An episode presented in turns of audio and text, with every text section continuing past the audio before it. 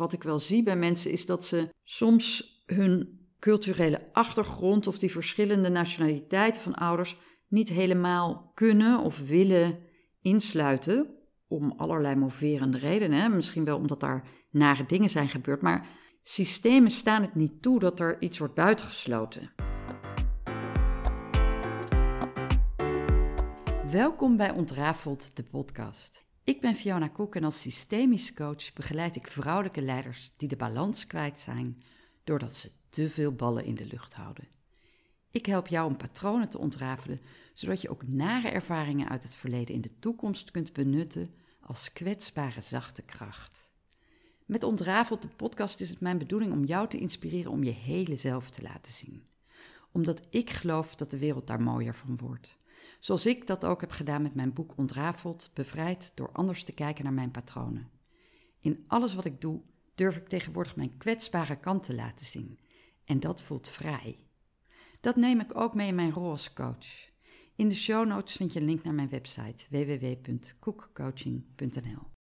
Deze podcast gaat over vaderland en moedertaal en een systemische blik daarop en vooral over insluiten van alles wat bij jou hoort. En dat kwam omdat ik mijn computer naar de computerdokter bracht. En als je mijn computer opent, dan staat daar een, uh, een hele mooie tekst op, vind ik. Dus hij belde me op om te zeggen: ja, je computer is klaar. En hij zei: Maar dan moet je me toch eens even vertellen, die tekst die voorop staat, waarom gebruik jij the universe? Het is toch gewoon het universum? En ik vond het heel grappig dat hij dat vroeg. Ehm, zo is hij een beetje, een beetje um, witty, wou ik zeggen. Dat is weer zo'n anglicisme ja, hij is uh, best wel ondeugend, vind ik hem. Dus ik vond het helemaal leuk en vooral omdat hij nieuwsgierig was.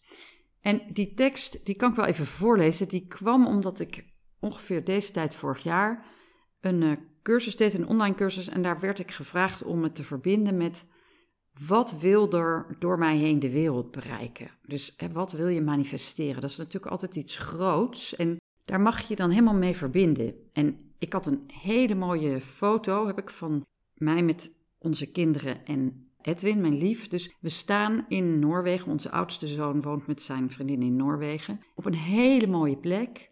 En daar heb ik nu, dat heb ik als screensaver met die tekst daarop. En daar staat: Ik ben verbonden met de universe en ik stel me open voor wat er door mij heen de wereld wil bereiken.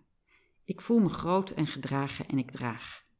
Ik bied enorme holding space voor groei in mij, mijn bedrijf en het grotere geheel. Ik werk samen met een team geweldige mensen met wie ik moeiteloos de meest ongelooflijke resultaten behaal die ik nooit had kunnen bedenken. Het stroomt in mij en iedereen die op mijn pad komt. Ik geniet, zorg goed voor mezelf en ik ben in balans. Nou, wat ik zeg, hè, dat is natuurlijk een grote tekst, maar het is voor mij ook een hele mooie tekst. Als ik ochtends mijn computer open, of iedere keer dat ik mijn computer open, dan staat dat daar, zo in my face, met die prachtige foto. En het geeft me ook echt zo'n gevoel van dankbaarheid en geluk. Ja, dat is natuurlijk precies wat je daarmee wilt bereiken. Dat heb ik al vaker verteld. Het verhoogt je trillingsniveau. Ja, dat is natuurlijk iets heel leuks om mee te nemen als ik begin aan mijn werk of wat ik dan ook aan het doen ben. En hij zei, waarom noem je het zo? Toen zei ik, goh, ja, omdat ik, uh, ik heb een Engelse achtergrond. Sterker nog, ik heb meer Engelstalige eigenlijk achtergrond vanuit mijn ouders, bloedlijnen, dan Nederlands. En ik ben ook uh, deels Engelstalig opgevoed. Toen dacht ik, oh ja, nee, dan begrijp ik het wel. En voor mij, als ik me zo verbind, en dat heb ik ook met die podcast, of als ik dicht bij mezelf ben en niet het goed willen doen, als ik het goed wil doen, dan ga ik proberen om Nederlandse woorden te vinden. Maar als ik echt dicht bij mezelf ben, dan komt er heel veel Engels doorheen. Omdat het, ja, dat is dan het woord wat in me oppopt. En dan doe ik niet, neem ik niet de moeite om dat dan helemaal te gaan vertalen. En waar komt mijn Engelse achtergrond vandaan? Nou, misschien vind je dat wel leuk om uh, te horen. Mijn vaders moeder, dus mijn grootmoeder aan vaders kant, is een Ierse. En mijn grootvader aan mijn vaders kant is Engels. Dus ik heb zelfs recht op een ik ben geboren met een Engels paspoort. Ik heb nu een Nederlands paspoort. Als ik ook een Brits paspoort wil, moet ik mijn Nederlandse nationaliteit inleveren. Dat gaat me wat ver. En ik heb zelfs recht op een Iers paspoort, omdat mijn grootmoeder Iers is. Nou, vind ik gewoon een grappig weetje. Ik heb mijn vaders ouders nooit gekend. En mijn vader die is op zijn twintigste, ongeveer 21ste, naar Nederland gekomen en heeft altijd hier gewoond. Mijn moeders moeder is geboren en opgegroeid in Londen. Die is op haar 23ste naar Nederland gekomen. Maar zij is echt een Britse in haar hele doen en laten, terwijl haar vader een uh, Fransman is en haar moeder is geboren op de Dominicaanse Republiek. Ja, toen ik geboren was, zei school, of de, de scholen waar mijn drie oudere broers toen op zaten, die zeiden: Het is beter, tussen aanhalingstekens, om je kind nu alleen maar Nederlandstalig op te voeden, want anders raken ze in de war. Ja, best wel jammer eigenlijk, want daardoor kan ik niet, ik voel me niet een native English speaker. Nou heb ik sowieso een accent wat alle kanten op gaat. Mijn Engels is best wel goed. En het is niet de taal waar ik mee uh, vanaf baby ben opgegroeid. En ja, mijn ouders spraken Engels met elkaar. Uh, ze waren lid destijds van de Engelse kerk. En mijn vader zat heel veel in het buitenland voor zijn werk en werkte ook heel veel in het Engels. Dus we deden heel veel met de Engelse taal. Maar als mijn ouders tegen mij Engels spraken, dan zei ik natuurlijk als kind, uh, als, zoals het hoort, doe even normaal. En dat heb ik nog steeds, dat voor mij heel raar is. Mijn vader leeft niet meer, maar als mijn moeder tegen mij Engels spreekt, ja, dat vind ik gewoon raar. Het is gewoon mijn Nederlandse moeder. Maar ja, mijn vader sprak natuurlijk vroeger best wel veel Engels tegen mij, want zijn Nederlands was gewoon um, heel schattig, maar ook wel uh, echt wel Engels-Nederlands. Nou ja, en ik werd ook wel voorgelezen in het Engels. En dan deden we vroeger een gebedje voor het slapen gaan. Dat was altijd in het Engels. Dus onze vader kan ik in het Engels zeggen, maar niet in het Nederlands. Nou ja, dat soort dingen. En ik heb op Nederlandse scholen gezeten tot mijn tweede klas middelbare school.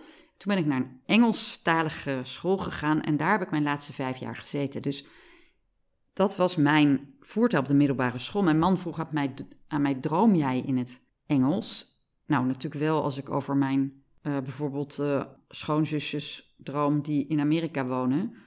Twee van mijn broers wonen in Austin, Texas met hun vrouwen. En als ik in die dromen bij hen zou zijn, ja, dan praat ik Engels, want dat is wat ik doe als ik daar ben. Maar ik droom niet in het Engels. Terwijl toen ik op de middelbare school zat, droomde ik absoluut in het Engels. Dus ik deed alles in het Engels, behalve tellen. Tellen kan ik echt alleen in het Nederlands. En toen ik in Nederland kwam studeren, toen werd ik opeens geconfronteerd met het feit dat mijn Nederlands eigenlijk een beetje gebrekkig was. Dus ja, zij werd ik aangesproken dat ik hen en hun door elkaar hadden. Ja, dan moest die docent echt aan mij uitleggen wat het verschil was. En dan hadden ze het over BMW, burgemeester en wethouders. En ik had geen idee waar ze het over hadden. Dus al die, die maatschappijleer. En nou ja, afijn, ik heb gewoon eindeloos het kofschip boven mijn bureau gehangen.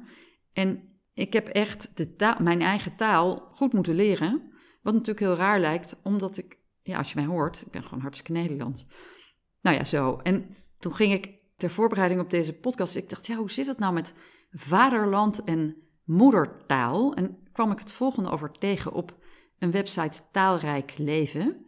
Vaderland is vanuit het Latijnse patria terra, land van de voorvader. En het is van oorsprong eigenlijk een Bijbels begrip. En daarin was het natuurlijk zo vroeger dat de man heerste over het bezit en over het land. Dus ja, vaderland.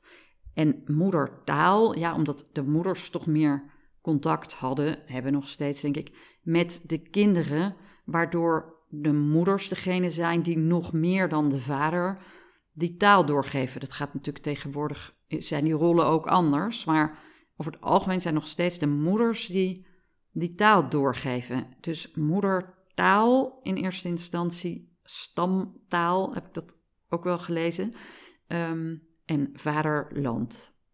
En nu vanuit systemisch perspectief, waarom is het zo belangrijk om beide in te sluiten?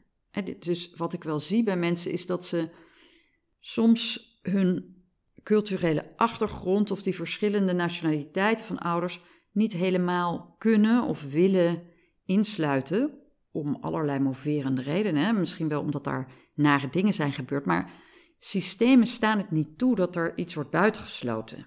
als je het land waar je ouders vandaan komen afwijst, dan is dat alsof je je ouders afwijst. Maar jij bent 50% je vader en 50% je moeder. En hoe meer je hen allebei helemaal insluit, hoe meer jij je heel voelt. Dus ja, in systemisch, systemen staan het niet toe dat er iets of iemand wordt buitengesloten. En daarom is het ook zo belangrijk voor adoptiekinderen dat ze niet alleen ja, te horen krijgen wie hun biologische, hè, dat zijn eigenlijk hun ouders, gewoon zonder het woord biologisch, wie hun ouders zijn. De andere zijn de adoptieouders.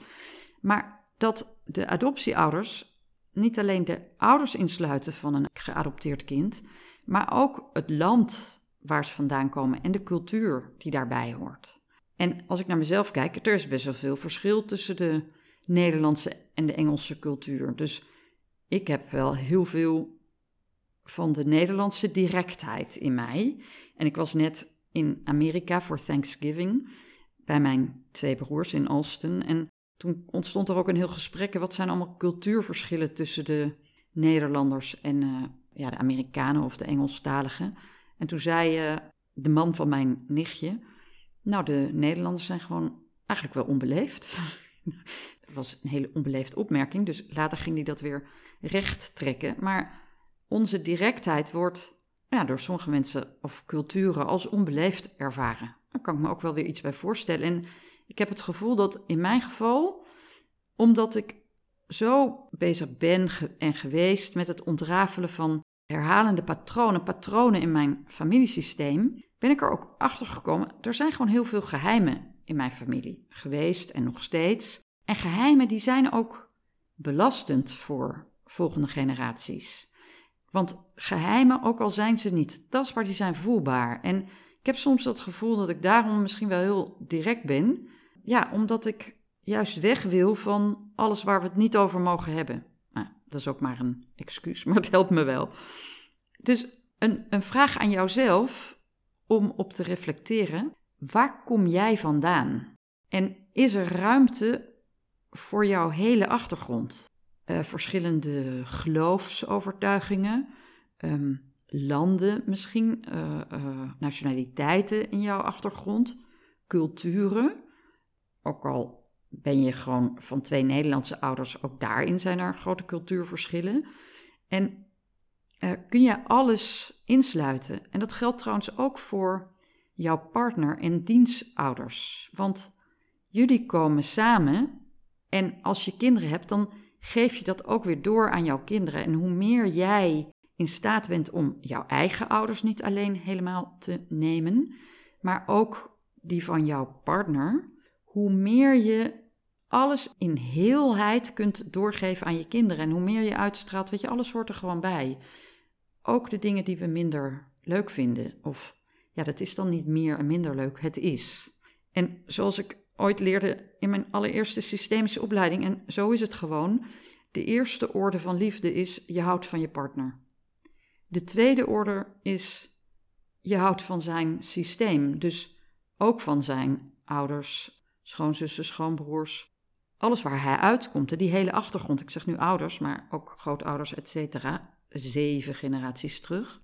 En de derde orde is alles wat hij meebrengt. Hij, zeg ik, of zij, dus ook culturele verschillen, uh, ziektes. En kun je tegen dat alles ja zeggen? En dat is een mooie vraag voor jou om op te reflecteren. Want wat kan er gebeuren als je niet je hele achtergrond insluit? Nou, ik heb al een paar keer het verzoek gehad om eens een podcast te maken, dat ga ik nog doen, over patronen die ik tegenkom bij klanten. Maar dit is ook zo'n voorbeeld daarvan. Dus wat ik vaak zie bij uh, klanten die komen bij mij en die zeggen dat ze zich verloren voelen, dat ze het gevoel hebben dat ze er niet helemaal mogen zijn, dat ze er niet helemaal bij horen. Dus het gaat echt over je plek. En dan is natuurlijk de vraag: is dat gewoon even of, en meestal tegen de tijd dat ze bij mij komen, is het heel existentieel? Ja, dat kan ik, dat kan ik meteen voelen. En dan vraag ik door en ja, daar heb ik natuurlijk echt wel een oog-oor gevoel voor. Dus ik kan heel snel mijn vinger op de, de zere plek leggen. Want ik, ik kan dan heel goed voelen waar, waar wringt het hier. Maar anders kan ik een, een genogram maken, een organigram van jouw familie. En dan gaan we echt kijken wie of wat werd er buiten gesloten. Wie of wat mocht er niet bij horen. Waar werd niet over gepraat in de familie? En het grappige is, of het, ja, wat is het juiste woord, opvallende hierin. Op het moment dat we het daarover hebben, dan gebeurt er van alles in je lichaam. Een soort gevoel in je buik, onderbuik, uh, fladders. En je hoofd denkt, huh? Maar je lichaam die weet meteen, bingo. En ik kan dat ook zien aan de reactie die een cliënt dan heeft. En dan weet ik, ah, we hebben hier dus echt iets te pakken. Nou, en dan gaan we daar met behulp van, uh, van die blokken die ik gebruik, of uh, van die houten poppetjes, of matjes, of, of een visualisatie in de mind, een, een opstelling in de mind, gaan we kijken welk, waar heeft dat mee te maken. We gaan die persoon of dat gebeuren of, of dat land, we gaan dat in beeld brengen. En vaak heeft dat te maken met een dynamiek daaronder van iets waar dus, ja, wat niet helemaal ingesloten was. En daar zit ook vaak schaamte op, onbewust. En wat we dan doen is, je gaat het zien. Je gaat je daarmee verbinden. En dan reik ik zinnen aan die jij kunt zeggen. Het is natuurlijk heel raar dat je dan tegen houten blokjes of poppetjes moet, mm, gaat praten. Maar er gebeurt ook meteen van alles als je dat doet. En eerst versterk ik de dynamiek die ik zie. En dat is ook een beetje om te testen of ik het nou goed heb aangevoeld. Bijvoorbeeld, ehm, nou, ik wil je helemaal niet zien. Of als ik naar jou kijk, dan word ik boos. Of dan schaam ik me. Of gewoon, ik zie je. Dus door die dynamiek te versterken, ga je het voelen en dan kan je het ook herkennen. En dan kan je het erkennen. En dan kan je dat langzaam een plek gaan geven. Dus dan reik ik zinnen aan als: Ik wilde je niet zien, maar ik zie nu dat je erbij hoort. Dus je erkent die onderliggende dynamiek die gezien wil worden. De systemen staan het niet toe dat mensen, dingen, gebeurtenissen worden buitengesloten, ook al zijn ze niet vrij. Dus het is belangrijk om ze te zien, te erkennen, de dynamiek te herkennen. En dan kan je er aan voorbij kijken en alles insluiten, het mooie en het minder mooie. En dat maakt heel. En dat helpt je om je plek beter in te nemen. Om je meer welkom te voelen. Om het gevoel te krijgen: ja, ik mag er zijn. Ik hoor erbij. Gewoon zoals ik ben. Met het gevolg dat je je wel durft uit te spreken, dat je wel je ruimte durft in te nemen. Dat je niet meer het gevoel hebt dat je je klein moet houden, bijvoorbeeld. Dus dit kan zich op heel veel manieren uiten, dat wat er niet bij mag horen. Het is dan een symptoom waar we naar kijken. Het kan ook zijn dat je kind bijvoorbeeld heel agressief gedrag vertoont. En het kan zomaar zijn dat in dat gedrag jouw kind zich verbindt met bijvoorbeeld jouw vader of grootvader, waar jij je voor schaamt en niet naar wilt kijken. Maar de onderliggende dynamiek, die niet wordt uitgesproken, is vanuit het kind: als jij niet kijkt, doe ik het wel. Dat is namelijk hoe systemen werken. Ja, ik begrijp, dit is super gecompliceerd, maar het is ook fascinerend, interessant en heel begrijpelijk als je het begrijpt. En daarom helpt het zo, als je je kind niet wilt belasten met het gedoe wat er in de familie zit, dat jij je eigen patronen gaat ontrafelen.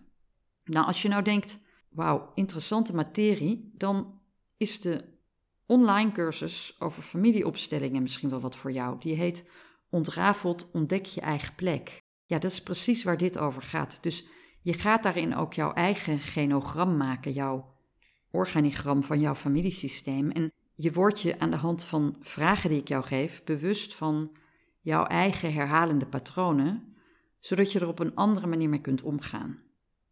Als je het interessant vindt, dan kan je op mijn website kijken www.cookcoaching.nl als je daar meer over wilt weten. Superleuk dat je weer hebt geluisterd. Tot de volgende keer.